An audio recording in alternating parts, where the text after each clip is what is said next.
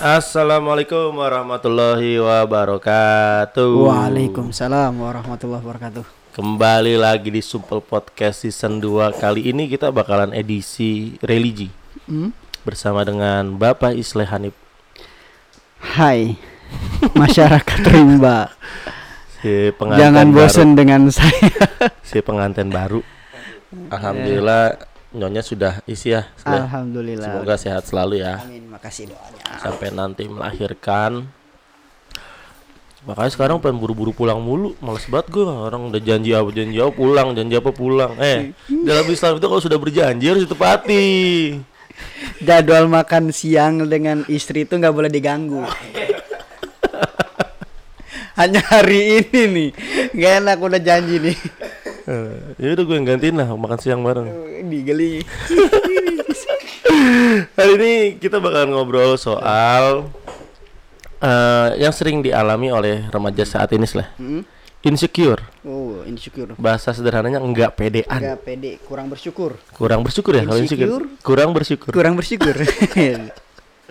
Nah, kalau menurut Islam itu bagaimana sih Sleh cara menyikapi atau membuat sudut pandang yang baik soal insecure? eh sebenarnya eh, pangeran Tuhan Allah itu udah ngasih rizki dalam bermacam-macam bentuknya di. Mm-mm. makanya kata ulama garis besar rizki itu terbagi menjadi dua. Ada anfus ada amwal Mm-mm. anfus itu biasanya rizki yang ada pada diri kita di contoh lu jago seni itu namanya rizki buat lu kelebihan lu ya kan iya. yang harus kita syukuri Iya, iya. itu anfus lalu amwal itu adalah rizki yang dikasih Allah berupa benda contoh uang harta Oh. artinya semua manusia udah dikasih rizkinya masing-masing sama Allah Udah ada. tinggal kita menyikapi rizki itu karena rizki itu alat bukan tujuan di Hmm. rizki itu alat bukan tujuan dari alat itu kita akan menuju surga atau neraka yang dipengen nanti jadi bukan eh, rizki itu bukan tujuan jadi ada orang yang Iya, iya, iya. hidupnya banting tulang buat rizki itu padahal Iya, iya. itu bukan tujuan loh Berarti salah persepsi ya? salah persepsi kalau menurut Tapi gue. itu ha- kesalahan yang mendasar dan mungkin hampir 90% orang menganggap itu Sleh. ya ya manusia gimana dia Eh, emang udah janjinya nabi dia tuh ingat ketika mendengar siraman rohani Iya ya. setelah pulang lupa lagi sama kita juga suka gitu kan Gue gitu banget. iya benar. apa yang udah janji nabi kadang orang itu di dalam halako di dalam Ha-ha. peng- perkumpulan tuh serius Heeh. artinya dia paham semua yang dijelaskan itu Tapi ketika pribadi, ketika di luar iya. pribadi lupa lagi dengan itu semua Nah, tadi kan berbicara soal anfus ya, soal rezeki yang ada dalam diri kita gitu, atau yang ada pada diri kita lah. Perempuan-perempuan sekarang itu kan banyak yang insecure. Heeh. Lu sering kali ngeliat contoh kasus foto-foto foto, ih pak akunya gemuk banget. Iya. Apaan sih gue bilang? Akunya gemuk banget, ih pipi aku tembem banget. Iya. Memang begitu. itu nyikapinya gimana sih? Lu? Ya intinya mah insecure pada diri sendiri itu suatu penentangan atas nikmat yang diberikan Allah. Berarti dosa dong. Iya harusnya. Dengerin tuh, Eh. ladies. Ih saya mah nggak pede kalau ke sekolah itu pakai kerudung. Ih Ih, insecure-nya double, dosanya dua kali. belum dibakar di neraka. Dos, enggak dia ngomong itu tuh dosanya dua kali dia. Pertama dosa Iya. dia ngomong, kedua dosa dia nggak pakainya. Langsung Iya. dapatnya double. Padahal kalau dia pede-pede ih pakai apa ke yang dia gunakan selama itu diri dia pribadi nggak dirubah-rubah? Mm-mm. itu jatuhnya kalau dia syukuri dapat pahala. Emang gampang di agama Islam mah? Kita nyari pahala itu gampang. Tinggal ngupain alhamdulillah udah dapat pahala. Alhamdulillah saya mah ongkos ke sekolah cuman 5 juta sehari. Alhamdulillah daripada nggak sama sekali. Itu mah bukan alhamdulillah lagi. Ngapain sekolah lagi? Nggak usah ya. Iya. dapat Nah, terus kemudian insecure ini kan banyak eh, ini ya interpretasinya. Orang banyak memahaminya beda-beda. Ada yang insecure secara fisik, ada yang insecure secara ini secara eh, pengetahuan. Mm-mm. Ada juga yang insecure secara jabatan di Hmm. eh, tempat kerja dan macam-macam gitu. Nah, sebenarnya kan insecure ini adalah hal-hal yang datangnya suges kalau menurut gue Heeh. gitu suges suges ketidakpercayaan diri dan memang bentuknya nggak ada sebenarnya gitu yang paling tepat secara Islam mengatasi insecure itu apa? Selain memahami bahwa yang tadi lu bilang rezeki itu ada dua macam nih. Hmm. nah yang paling tepat untuk untuk menerapkan agar insecure kita terkikis sedikit demi sedikit itu apa? Jadi eh insecure atau orang yang kurang bersyukur kita kaitkan dengan syukur aja dulu dia. Hmm. Jadi syukur itu terbagi menjadi dua, ada syukur bil kauli, ada syukur bil fi'li. Mm-mm. Syukur secara ucapan dan syukur secara perbuatan. Hmm. Secara perucapan bil kauli itu gampang, orang semua udah mengatakan ketika dia Iya. dikasih eh, paras yang indah dia alhamdulillah, Alhamdulillah. dikasih duit banyak alhamdulillah. Itu Alhamdulillah, gampang mulut ngucapin. iya. Tapi bil fi'li ini yang susah di. apa tuh Bil fi'li ini eh, menggunakan nikmat sesuai hendak yang memberikan. Contoh, dia bersyukur Oh. ucapan ngomong, tapi Hmm. pelit dengan harta yang dia punya. Paham, paham, Maka itu orang yang nggak bersyukur dalam syukur bil fi'li. Artinya dia tetap eh, kekeh dengan apa yang dia punya. Jadi ucapan syukur hanya di mulut aja di. Hmm. Begitu juga orang-orang yang suka nggak pede, insecure itu. Ih, saya mah pede, tenang aja, saya mah biasa aja. Tapi pas berjalannya Iya. tetap kayak orang ngehindar.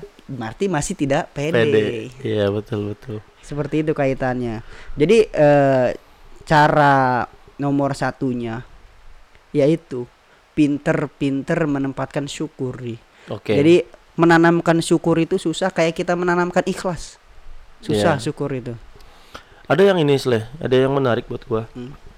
Ketika berbicara soal orang yang insecure, insecure dan lain-lain ya. Hmm. Kalau misalkan sekarang kan anak-anak udah pada mau lulus yang kelas 12.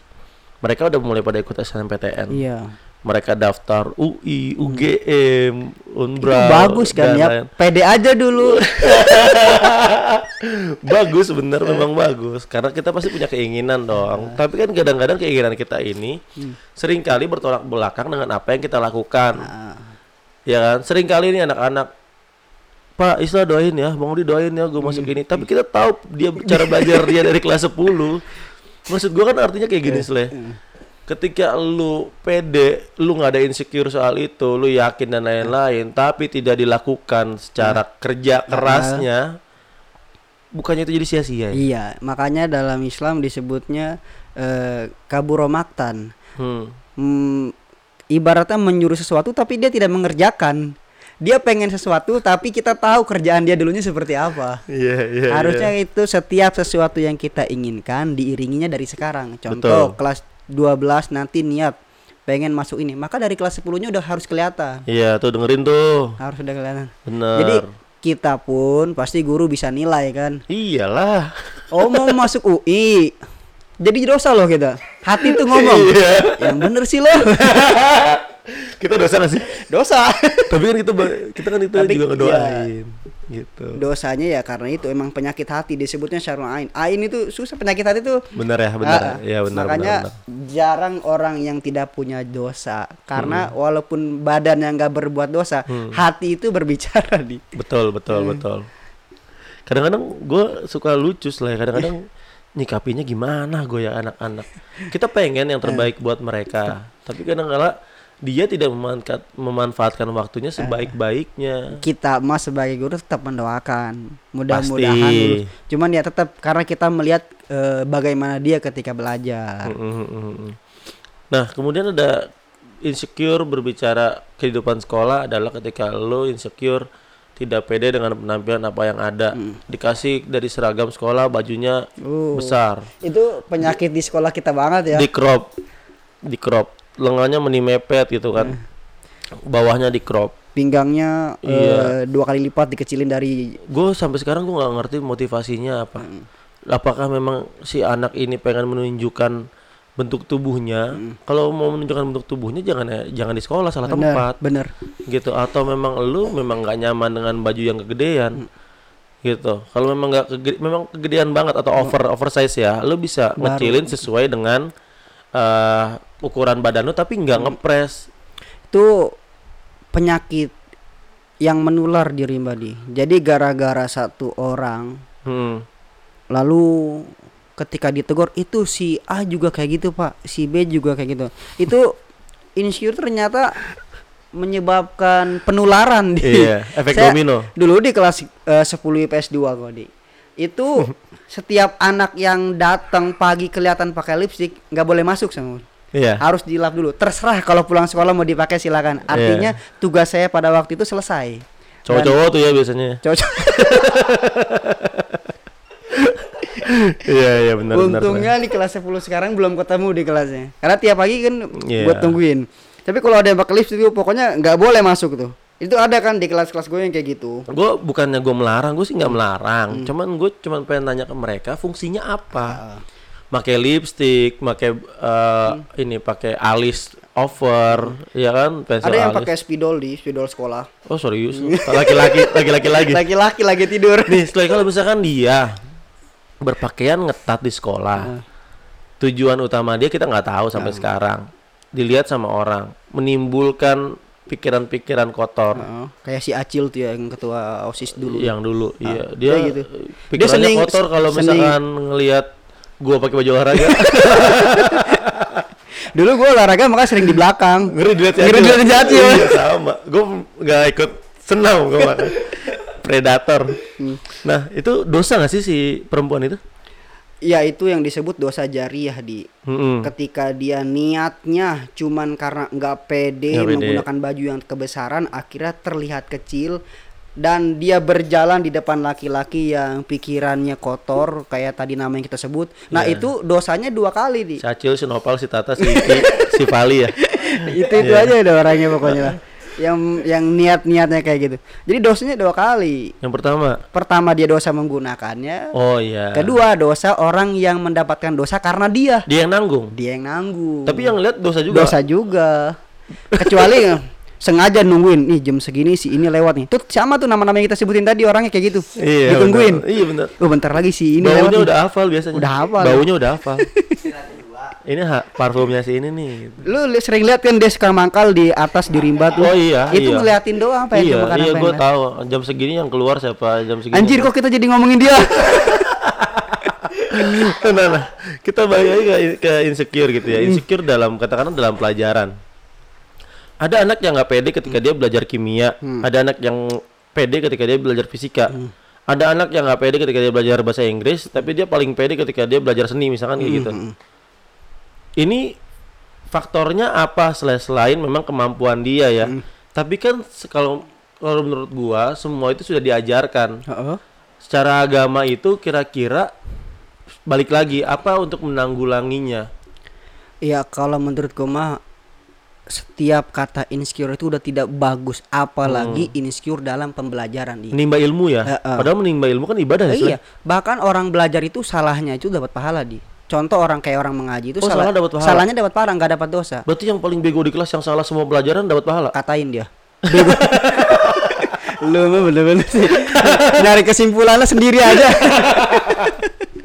guru yang ngomelin gimana Eh. gue kadang-kadang kadang-kadang ada ada aja guru yang ngomelin anak yang salah oh, ini kamu salah kamu nggak Enggak enggak mesti kayak gitu.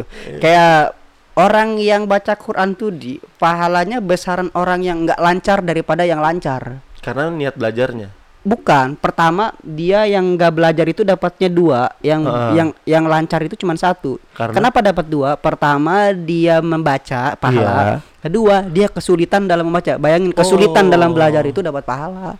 Makanya eh, Allah bilang eh, udah kerja aja masalah bisa apanya belakangan. Nih, Eh, ini- al insanu fi tafkir wa Allahu fi Ah. Manusia hanya bisa berencana, Allah yang nentuin. ya Sekarang kita belajar aja dulu, bisa nggak bisanya belakangan. Tapi guru jangan nuntut harus bisa, itu. gue yang gue takutin di kita salah persepsinya gini kata Pak Islam nggak bisa nggak apa-apa tuh tetap Woi, dapat awas lo ya ngomong kayak gitu lo. tetap dapat pahala kok katanya kayak gitu takutnya sele Tapi memang benar. memang Kita benar gitu ya Kesulitannya dalam belajar itu dapat pahala di. Mhm. Cuman bukan berarti disengaja. Ngapain bisa ilmuin? Itu yang jadi salah. Itu iya yang disebut penyakit hati. Rusaknya manusia kan kayak gitu. Hatinya itu lo yang jelek gitu. Jadi insecure dalam dalam ranah remaja adalah insecure yang kalau menurut gue itu keterlaluan Hmm. gitu terutama udah berbicara soal genderisasi berbicara soal antara pria dan wanita Oh. ini insecure-nya nih gue nggak ngerti kenapa perempuan itu insecure tuh kadang-kadang tuh nggak ada tapi dia buat-buat Sengaja jadinya.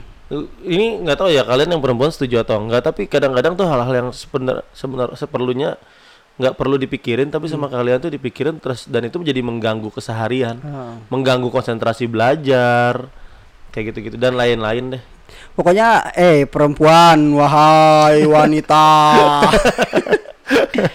Enggak semuanya laki-laki berpikir apa yang ada di pikiran Anda. Ah, ah, Jadi laki-laki itu enggak selamanya mandang perempuan dari kecantikannya. Iya Tapi bisa juga ada laki-laki yang suka sama kalian lantaran kamu pinter.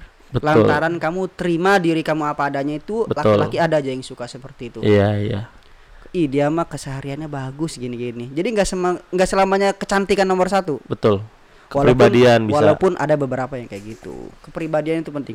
Gue dulu SMP belum masih belum mondok ya. Ada perempuan ya mohon maaf kalau dilihat fisik mah eh, Biasa. biasa aja di di bawah KKN bisa jadilah. Tujuh- Tapi karena gue 70. seneng dengan sifatnya, iya gue suka.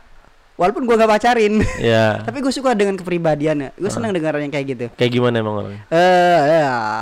jangan dong. Bahaya ntar bini gue denger. oh iya benar dicari langsung Dicari. ini mana nih cewek IG-nya nih iya terus Iya jadi perempuan tuh nggak usah. Saya bener di rimba tuh keselnya gimana? ya, Susah.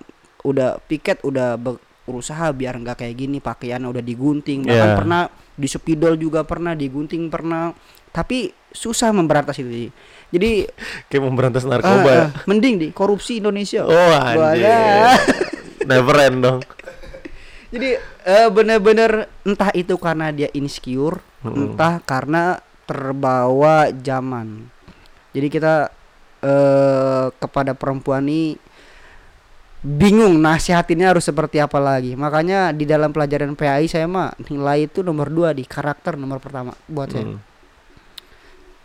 Memang tapi sulitnya kita adalah kita juga nggak bisa ng- ngelawan derasnya arus perkembangan zaman Ah, Sela ya. itu. Jadi nggak us jadi mau sekeras apa pun kita zaman tetap kayak gini. Yang jadi sulit adalah ketika misalkan si anak ini dalam seminggu katakanlah ya Eh, antara mem- memperdalam agama mm. dengan menerima arus teknologi itu perbandingannya 10 banding satu. Heeh. Kalau misalkan dia ngaji, kadang-kadang di rumah ngaji gitu kayak Iya. kayak di rumah gue tuh eh dulu waktu gua kecil masa sekolah itu Mm. ngaji itu dua minggu sekali. Eh dua dua kali seminggu. dua kali seminggu. Dua kali seminggu tuh gue pasti ngaji. Terus kemudian kalau sekarang gua nggak tahu ya apa anak-anak sekarang pada nggak. Lu kalian pada ngaji nggak sih di rumah? Ngaji nggak? Manggil tukang tukang ngaji gitu nggak? Atau ustadz gitu nggak? Enggak sendiri. Iya.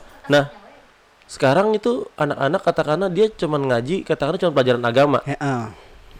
input Islamnya ya input pelajaran agamanya sisanya Udah sosial Udah, media, sosial media melihat jadi keluar. ada dua jam tuh cuman 90 menit dia belajar agama dalam seminggu kurang banget banget banget. iya ya. iyalah Bahkan gue pernah nanya di eh, ketika ada materi BTK ya baca tulis Quran ini waktu sebelum Quran ya karena gue langsung tanya langsung Hmm. itu ketika ditanya kapan terakhir ngaji ada yang ngejawab S- SMP bahkan ada yang SD nih nggak kebayang Ikro juga udah lupa sama dia itu ketika dibuka Iya sih. itu kayak gimana kita nggak tahu iya sih padahal tadiannya mereka itu orang-orang yang pada bisa mengaji iya tapi lantaran dengan alasan udah nggak ada pak pengajiannya udah nggak ada. Kan ini yang membuat orang-orang yang tidak percaya diri atau insecure karena penanaman agamanya kurang. Betul betul.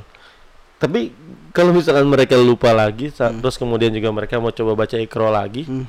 kalau dia buka ikro lagi itu bapak-bapaknya udah ngilang kali ya yang ditampul. titik-titiknya udah berubah deh yang mana titik sama rayap ketukar.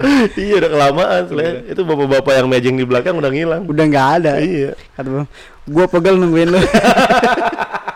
Eh, gue pindah buku aja dah katanya. Nah insecure ini memang menarik ya. Nggak cuman anak muda nggak cuman laki atau perempuan. Orang tua juga anak-anak juga kadang-kadang suka kayak gitu. Iya. Kalau gue berpikirnya insecure itu muncul karena kita diseragamkan. Nah. Diseragamkan dalam arti kata kayak gini misalkan ah, kalau kita terlihat berbeda dan berbedanya pada hal baik mm-mm. itu tetap dianggap salah. Padahal bedanya dia bagus. Bagus. Heeh. tetap tetap sengganya itu ber- itu berguna untuk lu dan tidak melukai atau tidak melanggar peraturan yang lain. Tapi zaman sekarang itu berbeda aja itu dianggap lu salah dan bukan bagian dari masyarakat. Itu yang bikin orang makin nggak berani muncul. Heeh. Gitu, insecure muncul. nggak berani ya ibaratnya tetap di zona nyaman itu aja tuh orang menganggapnya. Iya. Padahal ketika dia keluar jalur itu tidak mengganggu kehidupan dia, artinya masih ada sifat positif. Contoh kecilnya nih, ya. Kalau misalkan kita ngeliat anak-anak sekolah, Hmm. yang perempuan itu kan kadang-kadang kelihatan kos kakinya. Heeh. Ya, kadang-kadang ya. Kadang-kadang ada yang kos kakinya itu mini tipis banget. Jaraknya cuma berapa mili dari dari batas sepatu. Mm-mm. Terus kemudian ya hampir semuanya akhirnya kayak begitu. Padahal itu kan nggak bagus bagus. dilihatnya. Karena dulu kita nggak kayak gitu ya. Nggak kayak begitu. Nah sekarang giliran ada anak perempuan atau ada yang laki-laki pakai kos kaki katakanlah sebetis Betis. dianggap culun. Padahal kan itu nggak nggak nyalahin peraturan, Nggak salah. Nggak dan, salah. Dan nggak ngeganggu hidup dia. nggak ngeganggu hidup dia. Nah itu hal-hal kayak gitu yang menurut gua judgement judgement yang datangnya dari orang-orang lain itu juga yang membuat insecure itu muncul selain kalau menurut gua. ya kadang ya bukan kita menyalahkan ya. Kadang kita sebagai guru juga bisa ada salah ucapan yang membuat anak insecure. Mm-mm, Makanya betul. emang mulutnya tajam sih, mulut itu tajam di bahaya. Anak-anak itu bikin gak berani maju. Karena gue juga sama di awal-awal jadi guru Hmm. eh mengira semua murid harus kayak gini dan sama Iya, aja. Ternyata nggak bisa kan? Ternyata enggak semua enggak semua murid harus di eh, kasih pembelajaran dengan yang sama nggak bisa dia harus dibedakan gimana sifatnya mereka ada anak yang diem aja padahal punya kemampuan tapi ketika guru udah em, mengatakan dia kayak gini kayak gini itu anak makin ngedon nih makin insecure sama diri dia sendiri Iya. padahal kita tahu dia punya kemampuan dan Hmm. Allah udah yang janji setiap manusia dikasih rizkinya masing-masing. Ini ada ada ada hal-hal yang memang seharusnya dipahami secara secara keseluruhan oleh anak-anak. Hmm. Ketika kita ingin punya target adalah target kita besar gitu Sleh. Hmm, Misalkan ke masuk PTN, hmm. masuk UI atau masuk mana gitu. Yang pasti dilakukan pertama adalah usaha, usaha iya kan? ikhtiar ya Iya kan ikhtiar dulu pertama. Terus selanjutnya nah tahap-tahap itu yang menurut gua sekarang harus dipertegas lagi deh dan meyakinkan mereka Hmm, gitu. Dari mulai ikhtiar dulu, apa dulu, apa dulu, apa dulu, kemudian baru apa gitu loh Sleh. makanya itu yang tadi kita ngomong jadi sebelum kita melakukan sesuatu kita udah punya target al insanu fitafkir manusia itu hanya bisa berencana Mm-mm. rencanain dulu pengen ke sini maka harus diiringi dengan perbuatan. Karena pengertian niat lah. Menurut kemarin yang gua ngajar itu Eh, pengajian. Jadi niat itu muktarinan bifi'li pengertian itu niat itu adalah me- bermaksud mengerjakan sesuatu mm. Diiringi dengan pekerjaannya. Jadi Oh. nggak disebut dengan niat kalau dia cuman ah pengen jadi ini, tapi Iya. nggak ada action buat ada mencapai itu. betul. Maka itu bukan disebut niat nih. Ketika dia pengen masuk perguruan tinggi, walaupun sudah terlambat, Iya. masih bisa sekarang misalkan masih bisa usaha di akhir-akhir, Hmm. maka kerjakan daripada dia cuman pengen masuk pega- eh, perguruan negeri tinggi, tapi nggak ada ini, nggak ada action, cuman kita action. Bu Linda tolong masukin saya ke ini pengen ke sini. Angan-angan itu namanya. Jatuhnya jadi angan-angan. Iya, jadi mimpi mimpi yang benar-benar dibawa ke kehidupan nyata, mimpi doang jadi. Besoknya cuman bisa nyesel dia. Iya, betul. Karena tahun kemarin ada contoh kasusnya. Ada. Iya, anak ini ya dibilang ABCD lah Hmm. sampai membuat sesuatu, terus Oh. kemudian dia punya niat untuk masuk PTN bla bla bla. Keterima PTN yang paling bagus. Bagus. Iya, di antara semua rimba. Walaupun di ada beberapa yang mengatakan dia mah begini dia begini gitu. Iya. Padahal di dalam dirinya punya kelebihan. Iya, karena gue tahu dia usahanya kayak gimana gitu, Sle. keyakinannya, bagaimana didorong sama doanya, sama ibadahnya gitu loh. Itu salahnya kita emang bingung ya kita sebagai manusia kadang menilai seorang dari apa yang kita lihat, Ya, nggak mencoba melihat dari sudut pandang yang lain. betul betul betul. kayak kayak tadi ya sama teman-teman yang kita katakan suka ngelihat perempuan kayak gitu kita nggak tahu di sudut pandang yang lain lebih parah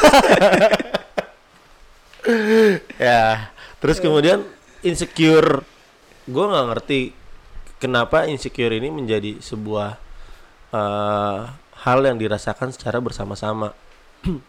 Kalau lu ngelihat secara Islam gitu ya, Sleh. Buruknya insecure itu apa sih? uh banyak di sebenarnya mah Kalau kita ngelakuin satu insecure aja, sebenarnya satu insecure insecure itu artinya orang yang nggak bersyukur atau Heeh. dia merasa minder Heeh. itu dari situ aja timbul keburukan banyak-banyak. Sorry sorry so- satu nih ya Sleh. misalkan ada orang dia memang katakanlah Hmm. katakanlah maaf katakanlah memang katakanlah dia cadel Mm-mm. dari lahir Ya, bawaan. Karena insecure dari lahir itu eh, dari cadel dari lahir itu dia jadi insecure seumur hidup Nah, padahal itu bukan dia yang pengen kayak gitu. iya kan ya Ha, maka itulah fungsinya sosialisasi, fungsi fungsinya hablum minanas, Iya, hubungan manusia untuk mengangkat orang-orang yang seperti itu Mm-mm. agar tidak merasa insecure. Kadang kita itu kan salah. Ada orang yang seperti itu bukannya diangkat biar dia makin percaya diri malah dicengin lah. iya Itu yang bikin tiap hari insecure menambah. iya betul nggak salah karena bukan dia yang pengen kayak gitu. ya masalah terus balik lagi ketika misalkan orang punya kekurangan dari lahir kayak tadi itu dia ketika dia merasa insecure dia ada zolimnya terhadap penciptanya gak sih itu dia nih masalah hati kita kagak ada yang tahu iya ya. kan ya tapi kalau Artinya misalkan ketika dia sudah bilang ih kenapa saya diciptakan seperti ini? Nah itu Nah, maksud gua. itu udah masuk kategori dosa dia. Makanya ah, udah itu udah Allah dalilnya ya di surat Ibrahim Heeh. ayat 7 la in syakartum la azidanakum. Jika kamu mensyukuri maka aku tambah. Mau itu rizki dia tentang badan Mm-mm. mau rizki dia tentang harta. Hmm. makanya kalau kata ulama mah kalau kamu pengen bersyukur main ke rumah sakit insya Allah yang cadel pun akan bersyukur di situ Insya Oh, Allah iya, yang benar. Hmm. fisiknya kurang pun akan bersyukur di sana. Kalau kamu pengen bersyukur lagi, kamu pergi ke panti asuhan. Insya Allah yang merasa miskin iya betul maka akan bersyukur di sana. iya Ya sering-sering main ke rumah sakit, ke pemakaman, itu bikin orang bersyukur itu di. gue ngeliat anak-anak sekarang juga maaf mohon maaf juga banyak yang gak bersyukur gue bilang Hmm. ya Banyak katakanlah kayak gini di luar sana tuh masih banyak anak-anak yang nggak bisa sekolah lu tuh datang udah dikasih uang jajan bayaran dibayarin lu nggak harus nyari uang SPP bayar sendiri ya kan termakut enak mereka itu iya sebenarnya. handphone dikasih buat komunikasi lu butuh apa butuh ini buat ngerjain tugas dikasih segala macam ya biarpun mungkin gak semuanya dikasih gitu ya nah hal kayak gitu juga nggak dimanfaatin dengan baik sama anak-anak Iya. gitu loh Shay. Harusnya itu yang bikin dia bersyukur. Kagak bilang ini anak-anak rimba kalau pengen bersyukur taruhlah di pesantren. Saya yakin dia bersyukur banget ada di rimba. Iya. Ya makanya Iya. taruhlah dia di pesantren yang anak-anak sifatnya rimba modern. nih yang nggak bersyukur taruhlah dia di YPHB saya yakin dia nggak mau balik nggak mau Kebayang ya disuarai nggak bisa teriak-teriakan dia kalau di EPH. Karena Iya. dia kan kelasnya dia Keluar, Ah, agak ah, kebuka ya, agak semi outdoor, kebuka, semi semi outdoor. Maka akan mengucapkan syukur sebanyak-banyak ya dia. Ngelihat dari peraturannya dan lain-lain. iya iya benar nah terus kita balik lagi ketika berbicara soal insecure ada apalagi sih sekarang tuh bahasanya semuanya serba Inggris ya Iya. Padahal mah intinya orang yang nggak bersyukur. nggak bersyukur ya iya benar Atau merasa kurang percaya diri. Ya penyakit nggak penyakit nggak percaya diri sama nggak bersyukur itu sama apa beda menurut lu? beda. beda Heeh. Kalau nggak bersyukur itu sudah diberikan, tapi dia tidak tidak merasa cukup tidak merasa cukup atau merasa nggak dikasih. Padahal- Padahal, Allah udah ngasih dengan cara yang lain. ah iya benar terus Ah, itulah penyakit kita. Kalau nggak percaya diri ya dia udah punya. oke Tahu sendiri orang nggak percaya diri kayak gimana. iya benar Nggak mau mulu kalau disuruh nggak apa. mau mulu Contoh anak-anak yang kita tes dalam apa aja gitulah dalam bidang seni, dalam bidang agama ketika maju, pas saya nggak bisa, saya nggak bisa. Padahal belum dicoba. Itu Padahal mah- bukan bisa atau enggaknya Eh. jelek atau bagusnya ya yang kita nilai ya. Tapi usahanya gitu loh.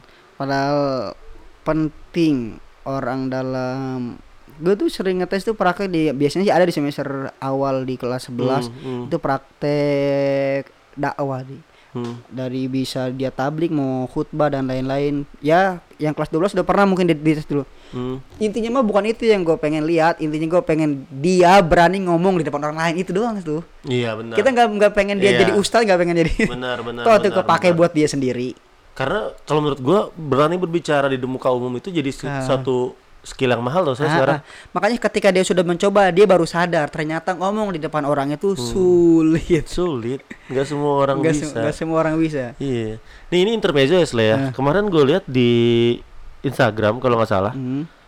ada murid-murid SMA praktek akad nikah. Emang ada ya?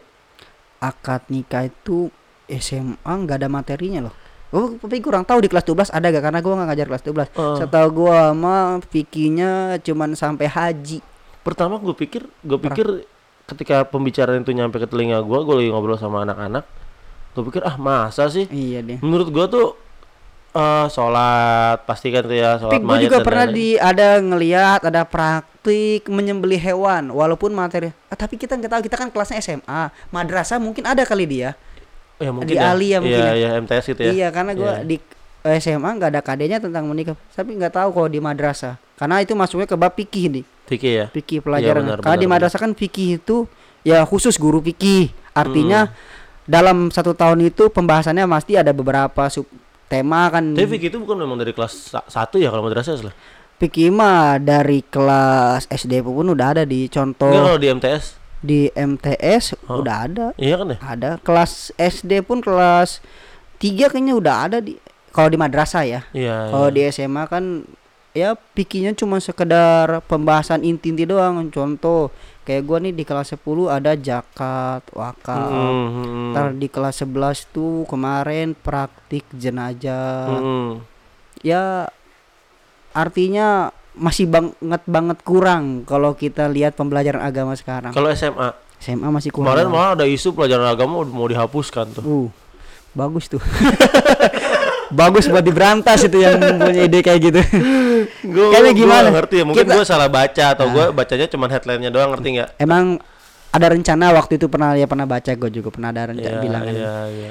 Makanya di sekolah itu pendidikan agama Islam dan PKN itu di rapot nomor satu dan dua kan urutannya. PAI, Hmm. PKN itu di rapot nomor dua karena pendidikan karakter mereka itu. Iya, Kalau itu tapi kan pada dihapuskan- pada prakteknya Heeh, kayak di sekolah tuh kayak mata pelajaran nomor sekian. nomor sekian. Itu yang bikin yang di nomor satuin tuh yang yang itu eksak kayaknya eksak iya kan ya padahal kita berbicara kurikulum 2013 kurikulum membangun karakter Ah, ah. iya dong kalau berbicara soal membangun karakter yang lebih mendekat ke situ pembelajarannya adalah kayak PPKN Ah, ah. Harusnya- agama Islam kesenian. Pelajaran-pelajaran karakter yang iya karakter gitu. Karakter bukan keilmuannya doang tapi karakter diri pengembangan karakter diri. Gitu. Sampai akhirnya gue bikin buku lah Uh, Iya bikin buku. Seni peran buku gua seni peran eh untuk remaja. Jadi media untuk mengembangkan atau pencarian jati diri. Lu media kasih tuh di ke anak-anak ke anak pasti. rimba nggak dikasih apa-apa. dong dijual. Capek dong gue bikinnya itu pasti pasti anak-anak harus, Ah, harus makanya biar anak-anak tuh punya ber apalagi lagi corona gini ya pertemuan Iya. tatap muka jarang. Betul betul. Kayak gue jujur di pandemi ini ngajar nggak nyampe 50% ke maksudnya gimana? Paling Hmm. masih lewat Google Classroom tugas seru gini gini. ya? nggak seru gua. Eh, kasihan lu selama pandemi gini selain ngajar lu ngapain sih? Ngopi. Gue ngegibah mulu di Enggak yang bikin maksudnya kan kalau gua ya kalau gua kalau gua kalau pandemi gua akan gua mau berkarya Ah, gua- bentuk gua- karyanya lu kelihatan, beda. udah kelihatan, iya kelihatan. bentuk karyanya gua beda gua nggak mau ikut bodoh seperti orang-orang yang ah, ah, ya gua penyelamatin diri sendiri lah istilahnya kayak gitu gue gitu sih orangnya kadang nggak susah keluar dari zona nyaman nih ya sebelum gue nikah Heeh. kegiatan gue selama corona kalau nggak bikin materi ke sekolahan Iya. selesai paling bikin materi gue nggak lama sejam paling udah selesai tuh bikin Iya, materi atau bikin iya. Selebihnya ngapain? Gue main ke dapur gitu. gua kadang-kadang gua kayak kemarin tuh bete. Gua sempat bete sama lo yang pas yang ini yang gua mau syuting. Pulang gue Iya. Tanya anak-anak bete gue malu bener.